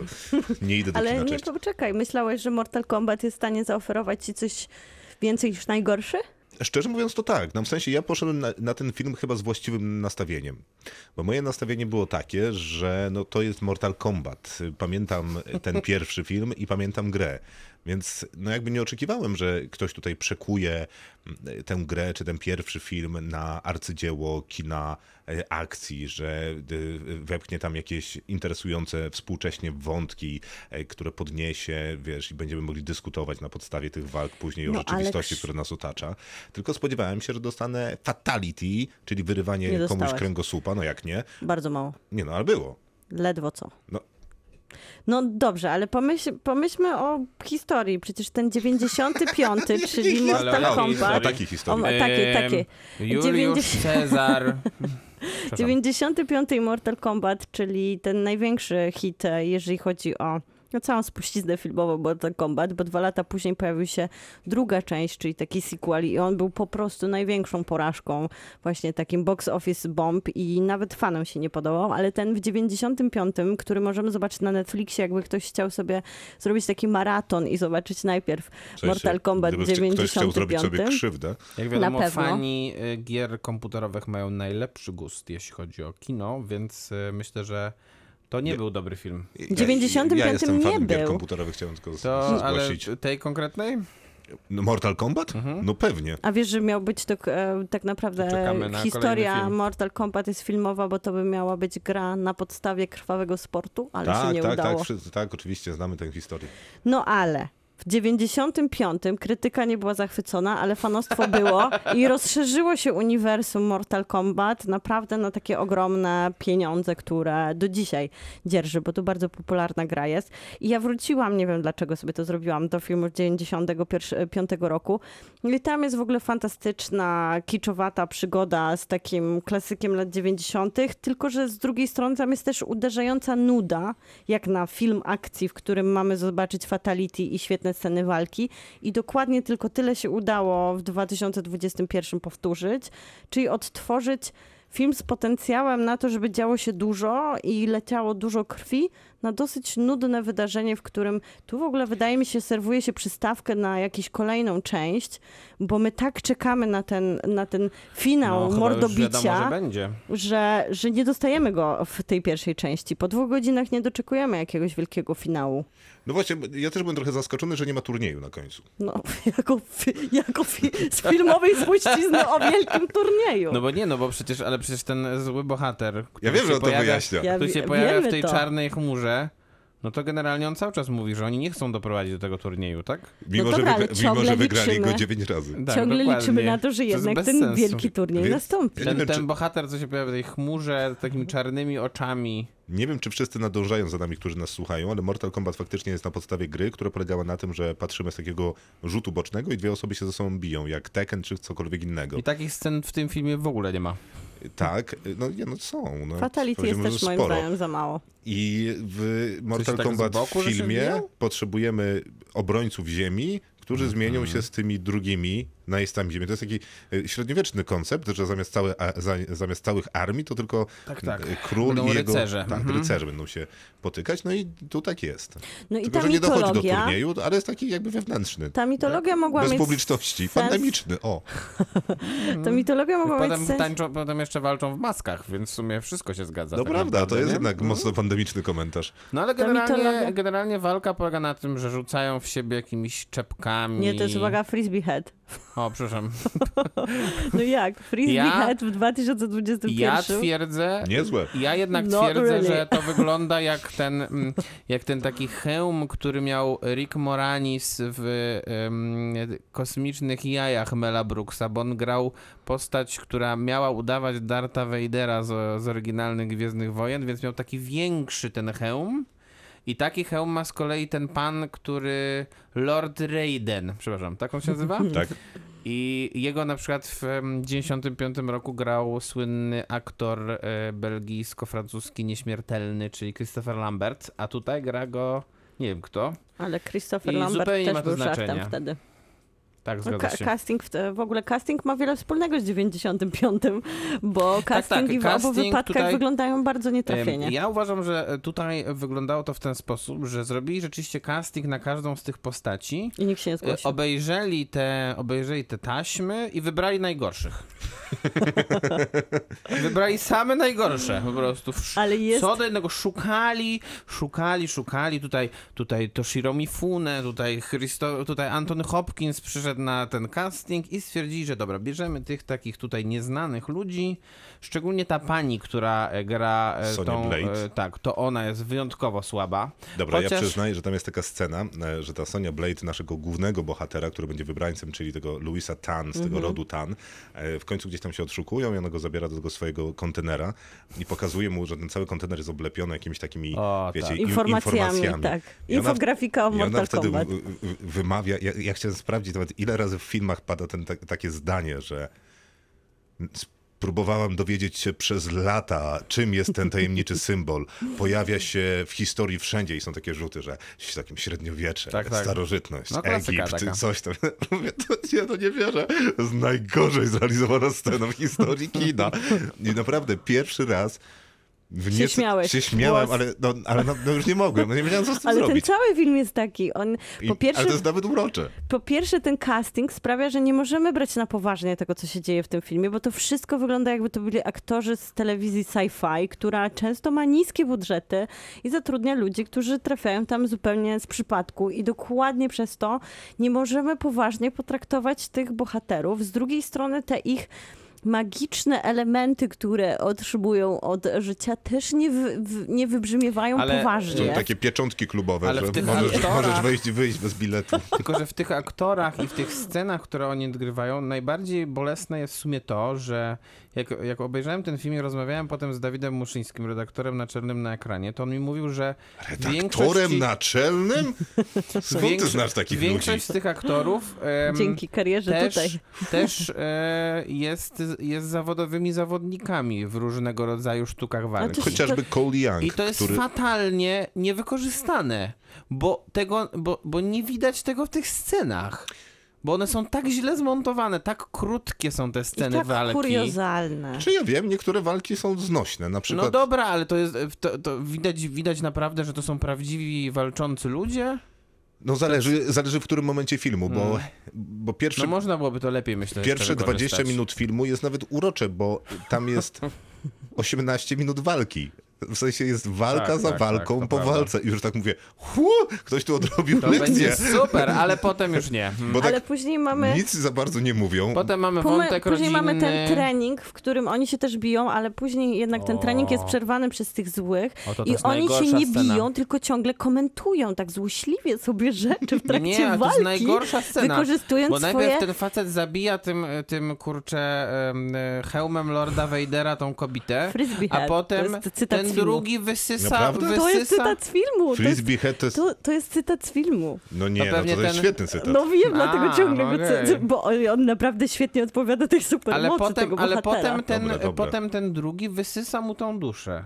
Wysysamo. I w międzyczasie, jak mu wysysa tą Przypominajmy duszę, sobie to mamy, 95. to mamy cięcie i nagle się pojawiają ci, e, ta, kobi- ta kobieta z tym, e, z tym facetem bez rąk i oni tam leżą pod jakimś, e, ten, leżą gdzieś tam i nikt o nich nie pamięta. Jakby nie było w ogóle ich na, tym, na tej scenie i nagle temu wyrastają te ręce prawdziwe w końcu. Szczerze mówiąc, Maciek, No niesamowita rzecz. nie mam zielonego pojęcia, o czym mówisz, a ja widziałem Ale ten było film. coś takiego, naprawdę. Ja wiem, o czym on mówi. On mówi, że Ja każdy się z nich szuka, ktokolwiek, kto nas słucha, akany. wie, o czym mówimy. Trzeba przy, p- przypomnieć mitologię, bo Jest trochę możliwe, że nikt chyba, nas już nie słucha. trochę jest tak, że ten film chciał No Miłka przybliżyć... zaczęła, że najgorszy film, więc generalnie już naprawdę też bym dołączył. Pstryk?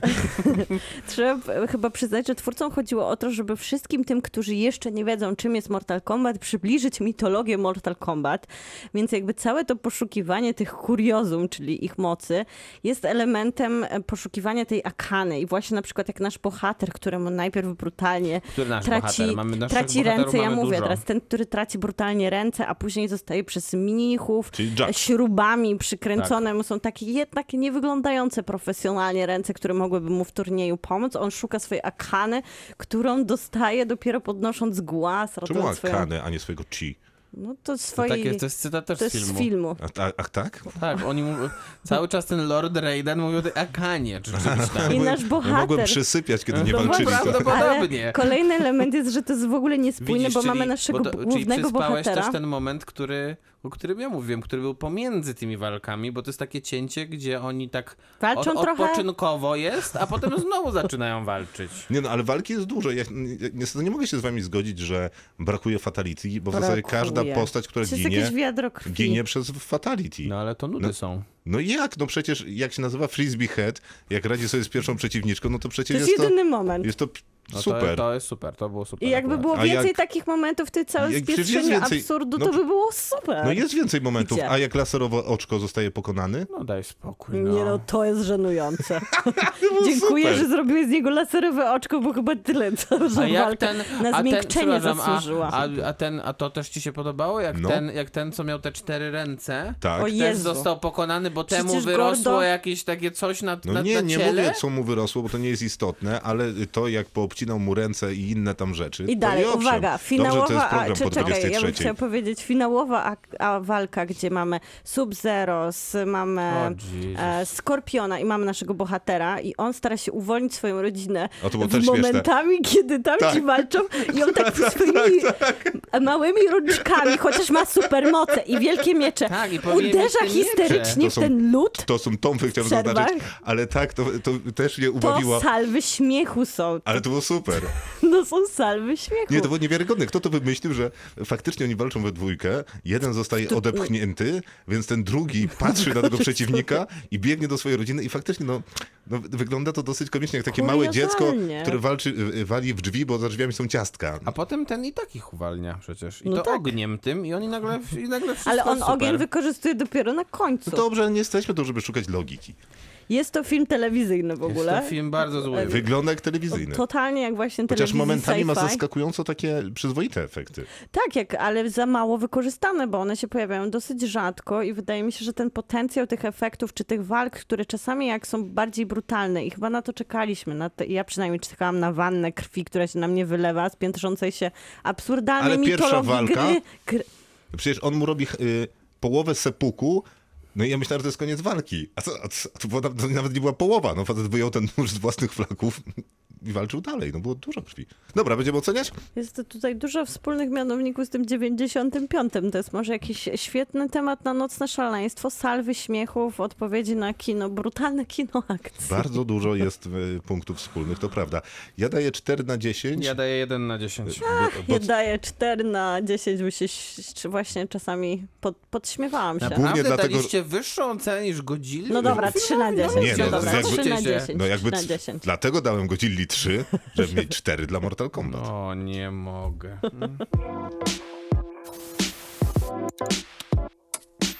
Kinotok. Serial. Zgodnie z planem zdecydowanie zmieniamy nastrój. No i dobrze właśnie chyba. Z, ze skrajnych głupotek na rzecz znacznie poważniejszą. Kolej podziemna, y, serial na Amazon Prime, na Prime Video. Ja bym chciała wrócić do 2017 roku, który O był... nie, Miłka, nie, idź, idź do historią. celu, proszę. Nie. Ale to był bardzo ważny rok, bo wtedy Barry Jenkins odebrał Oscara za Moonlight, wcześniej bijąc się z La La Land, pamiętne wydarzenie. I dokładnie w tamtym roku również Colson Whitehead, Whitehead odebrał Pulitzera za swoją powieść Kolej Podziemna, która została wydana rok wcześniej. I to połączenie no właśnie dało w Stanach Zjednoczonych bardzo oczekiwane. To też może być ten problem, że Prime Video w Polsce nie jest popularnym, no nie jest popularnym miejscem do oglądania i nie, Tak, nie ma tak za dlatego bardzo obejrzeliśmy reklamy. ten serial my i nikt więcej w tym kraju. Myślę, że recenzencko Nie, on no, sobie radzi świetnie, bo jest jednak Przez sześć osób głośny. Coś, tak? coś piszą w internecie. Jacyś Ale- recenzenci. No tak. Nie, Ale- recenzenci. Ale faktycznie też w Stanach ta, ksio- ta książka, czyli e, Kolej Podziemna, była bardzo ważnym wydarzeniem i bardzo mocno kon- komentowanym. No i trzeba powiedzieć, że tak naprawdę właśnie o tym opowiada, o czym opowiadał sam pisarz w książce. Kolej Podziemna nigdy nie była koleją Jest pod ziemią. Pewna logika. Więc e, była tak naprawdę wyobrażeniem pisarza o tym, kiedy był dzieckiem i kiedy czysto, często słyszał historię kolei podziemnej, to wyobrażał sobie, że to była dosłownie kolej, która się znajdowała pod Stanami Zjednoczonymi. Tak naprawdę to był żargon ludzi, którzy przerzucali niewolników. Oni mówili do siebie na stacji, pasażer. Tak, wykorzystywali to jako przykrywkę też miejsc i ludzi, których przerzucali. No i właśnie w ten sposób na, na tej podstawie została taka wymyślona, wewnętrzna, podziemna kolej, która jedzie po całych Stanach Zjednoczonych i prze, przerzuca główną bohaterkę, ale też ludzi, których ona spotyka po drodze i też obserwujemy mapę Stanów Zjednoczonych wtedy, za czasów niewolnictwa, no, która miała bardzo różne prawne zasady i podejście do do samego niewolnictwa, więc nasza bohaterka Kora zanim, no najpierw ją po- poznajemy, kiedy ona jest niewolnicą na farmie, z której ucieka i właśnie tą symboliczną koleją, która i w książce i w serialu jest dosłowna, przenosi się do różnych stanów e, w Stanach Zjednoczonych i spotyka bardzo ją, spotykają ją bardzo różne sytuacje.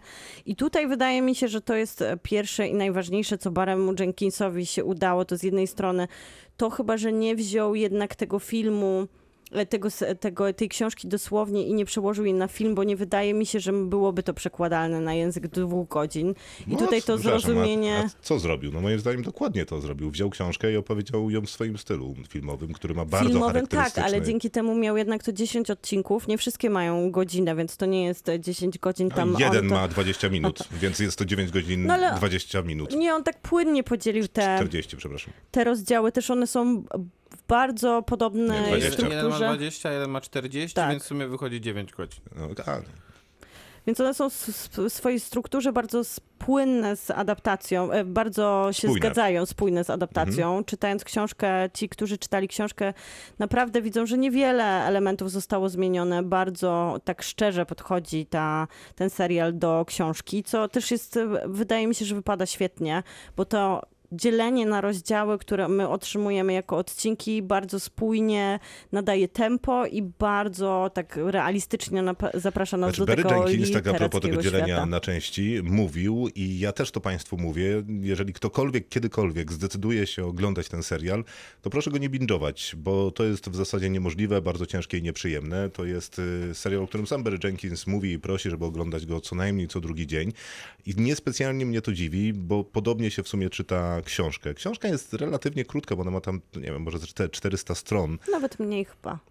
a nawet mniej chyba, więc y, nie ma jeszcze takiego problemu. Natomiast 9 godzin spędzone z tym serialem jest koszmarem, bo to jest opowieść o koszmarze, który zresztą Jenkins ustawia w takiej rzeczywistości y, Holokaustu. Zresztą jest tam... To zależy w którym Właśnie. odcinku, no ale tak. zależy w którym odcinku, ale jest y, nie tylko w jednym, bo w wielu odcinkach jest sporo takich holokaustowych przebitek. Bardzo dużo jest takich, które po prostu wydarzały się w określonej rzeczywistości mm, historii niewolnictwa w Ameryce. Ale Są też jest dosyć. też dużo wymyślonych rzeczy. Tak. Tak, i dosyć istotne jest y, to, żeby zwrócić uwagę, że to wszystko jest zanurzone w sosie takiego realizmu magicznego. Jest. Więc to też nie ułatwia sprawy. Ja, co ciekawe, binge'owałam ten serial i bardzo Ja mi to też. odpowiadało. Ja też.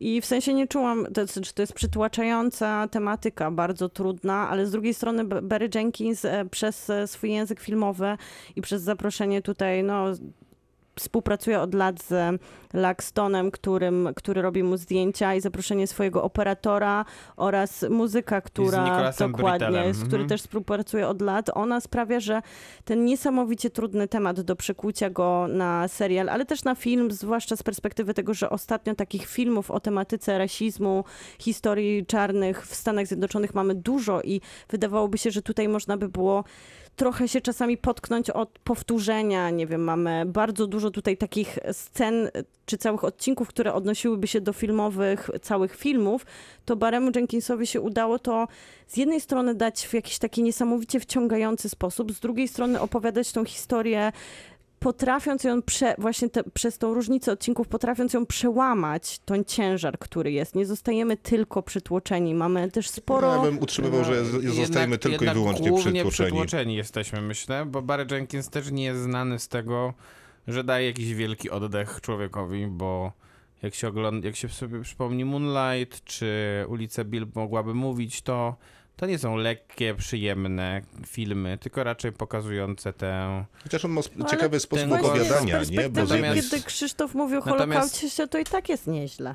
Natomiast... Nie, no nie jest nieźle. No właśnie. Y, Tylko jedno zdanie a propos stylu Jenkinsa, że on ma taki ciekawy sposób opowiadania, że on opowiada o jakby mm, traumatycznych, y, tragicznych wydarzeniach, ale ten jego, to jego ustawianie kamery pod światło i aranżowanie sceny, że jesteśmy w pięknych okolicznościach rzeczywistości, jest w ogóle Przełamuje dosyć to. ciekawy, cie, ciekawym, znaczy moim zdaniem tego w ogóle nie przełamuje, jeszcze bardziej podkreśla.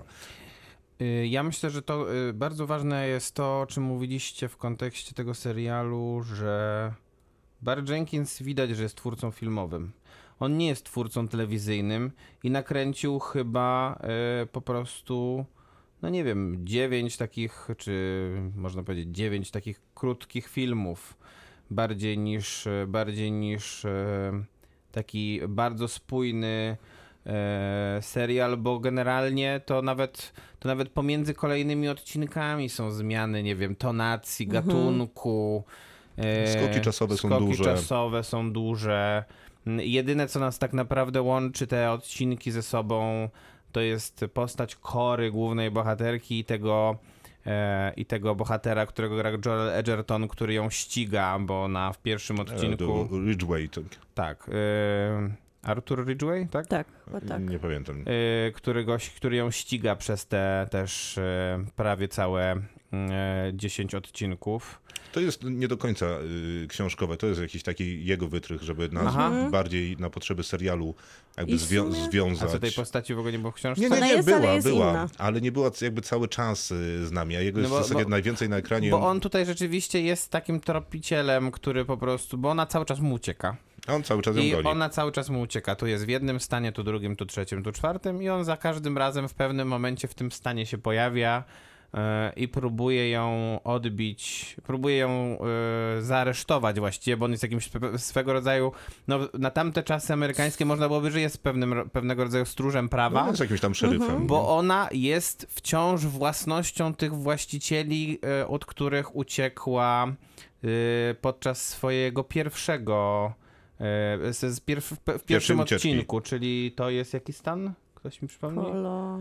Dobra, no nieważne. W każdym Ale- razie. em, Ale tylko wracając do tej różnicy pomiędzy książką, to jest świetny zabieg, ponieważ to dodaje takiego niesamowitego tempa i te relacje, które nie, no się... nie mówmy o tempie No ale te w relacje kontekście pomiędzy... tego serialu. No. No to też nie jest tak, że ten serial nie ma tempa, bo on jest bardzo... Jadą syp- wozem drabiniastym przez dwa odcinki. Tam jest tyle Tempo. napięcia, tam jest tyle napięcia budowanego i właśnie w tej relacji pomiędzy Korą a jej oprawcą, która nie jest taka do końca jasna, zwłaszcza to jest Ja chyba nie wiem, czy on zasługa Joela. Engertona, który który jakoś tak niesamowicie wygrywa z jednej strony to wszystko ciałem, które jest takie przesadziste i silne, a później takim spojrzeniem, że ono nie jest do końca jasne. D- Do, do, do, do, do samego finału nie wiemy, jakie są jego motywacje. no dlatego nie uwada, wydaje mi się, że słowo oprawca nie jest do końca. On, on raczej, Rozlicza się trochę ze on sobą. raczej nie? rozlicza No, się ze sobą. On, on, też, tak. on też w pewnym sensie. No tak jak mówię, no jest jakimś takim stróżem prawa, który. Wierzy w który, ten system. Który trochę wierzy w ten system, chociaż tak naprawdę chyba ma świadomość, że ten system No nie nie, do jest do końca w trafiony, bo nie może w niego wierzyć do końca, jeżeli jego głównym jakby Dokładnie. towarzyszem jest Homer. mały czarny chłopiec, No tak? tak, Więc... ale to jest z kolei przeszłość, w którą wybrał, że nie będzie wierzył, nie? Jakby w tę ideę, która została mu A, kiedyś tam Georgia, zaszczepiona. przepraszam, to był pierwszy odcinek. On ją nawet nie wybrał, on chyba ją postawił w kontrze do tego, z jakiego miejsca pochodził, jak Nie, traktował w- go jego ojciec. Wy, wy, no tak, ale chodzi mi o tę ideę wielkiego ducha. Wybrał, żeby w nią nie wierzyć, nie? Tak. Jakby podważać jej zasadność. Y, y, Mam wrażenie, że Barry Jenkins wziął się za dużą rzecz i, i że to jest serial, który zostanie na długo, zwłaszcza w kulturze y, afroamerykańskiej, dlatego, że to jest takie opus magnum dla Afroamerykanów niepodważalne, bo wydaje mi się, że to jest serial, który radzi sobie, jakby podejmuje każdy temat, robi to z takim roz, rozmachem y, I ambicjami. i ambicjami. I to jest y, duża rzecz. No, efekt moim zdaniem jest trochę taki jak z Joyce'em, że y, kto tam czytał Ulyssesa, no my wszyscy, tak naprawdę przy ta jedna osoba ze wszystkich, które się zgłosiła, bo to jest trochę taka Joyce'owa literatura serialowa. To się ogląda trudno, jest tam bardzo dużo rozmowy, która jest na tam ostatnich włosach emocjonalnych.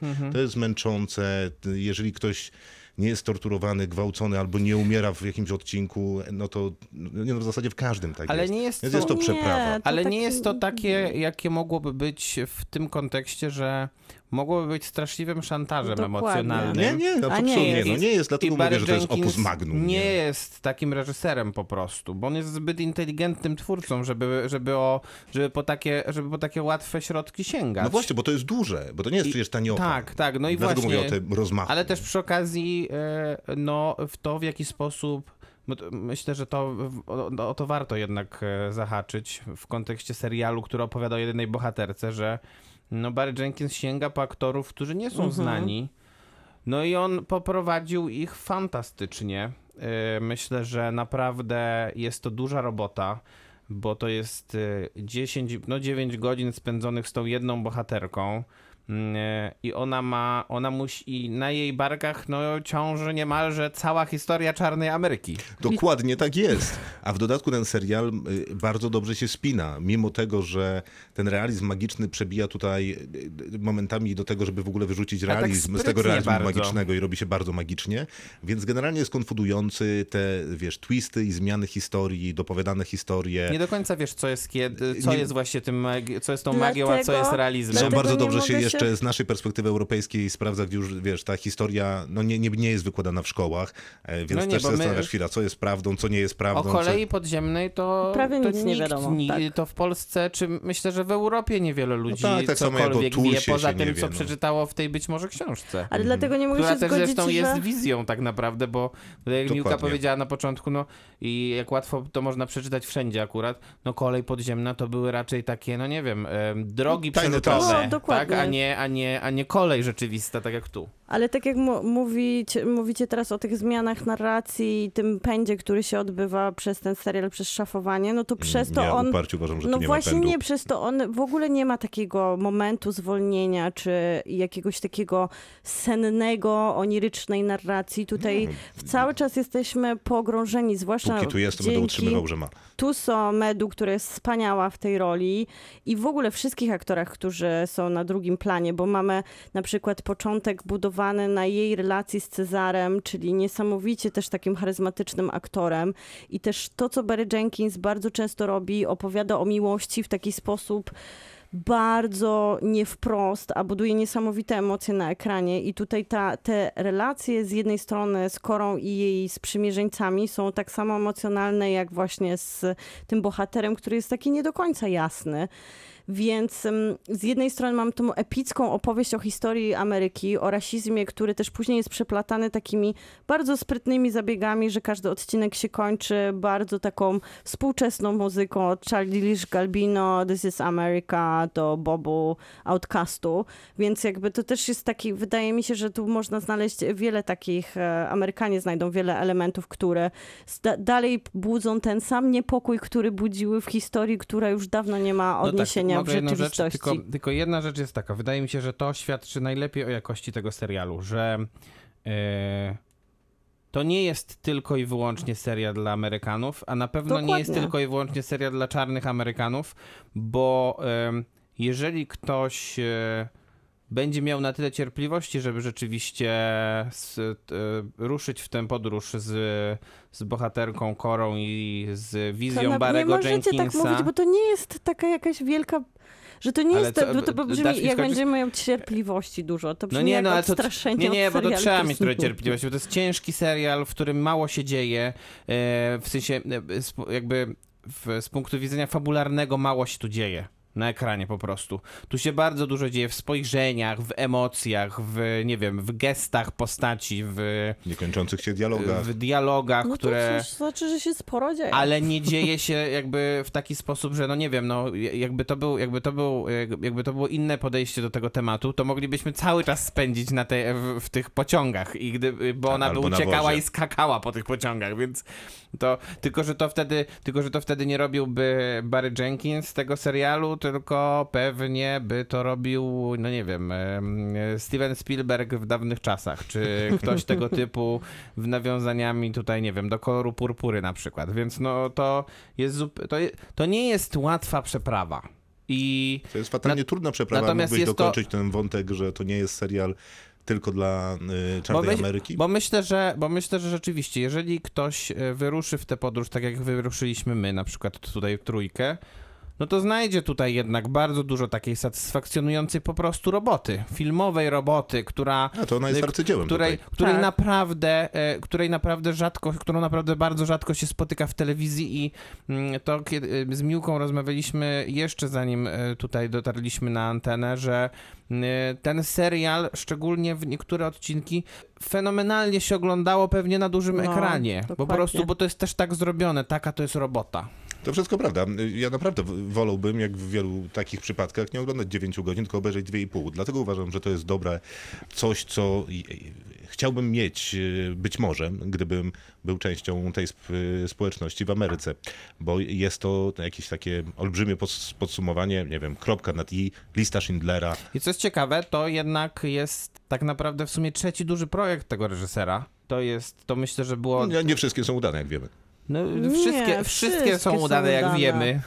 nie wszystkie ja są nawet- a, udane. jed, a jednak sobie- wszystkie. Widzieliśmy jego drugi film A jednak. jednak wszystkie. Ja właśnie Piękna sobie go muzyka. ob- obejrzałam Piękny teraz, bo mówiliście o nim, Krzysztof mówił o nim z taką niechęcią i to jest właśnie O bardzo... czym pod- znowu mówiłem z niechęcią? No o ulicach Bale, tak to się ten film po angielsku, na, po Gdyby polsku. ulice Bale Tak, mogły no mówić mówiłeś o tym po filmie niechęcią. Wspaniały film. Wspaniały No nie, no. film i bardzo dużo jest tutaj wspólnych mani- Słaby mianowników. film.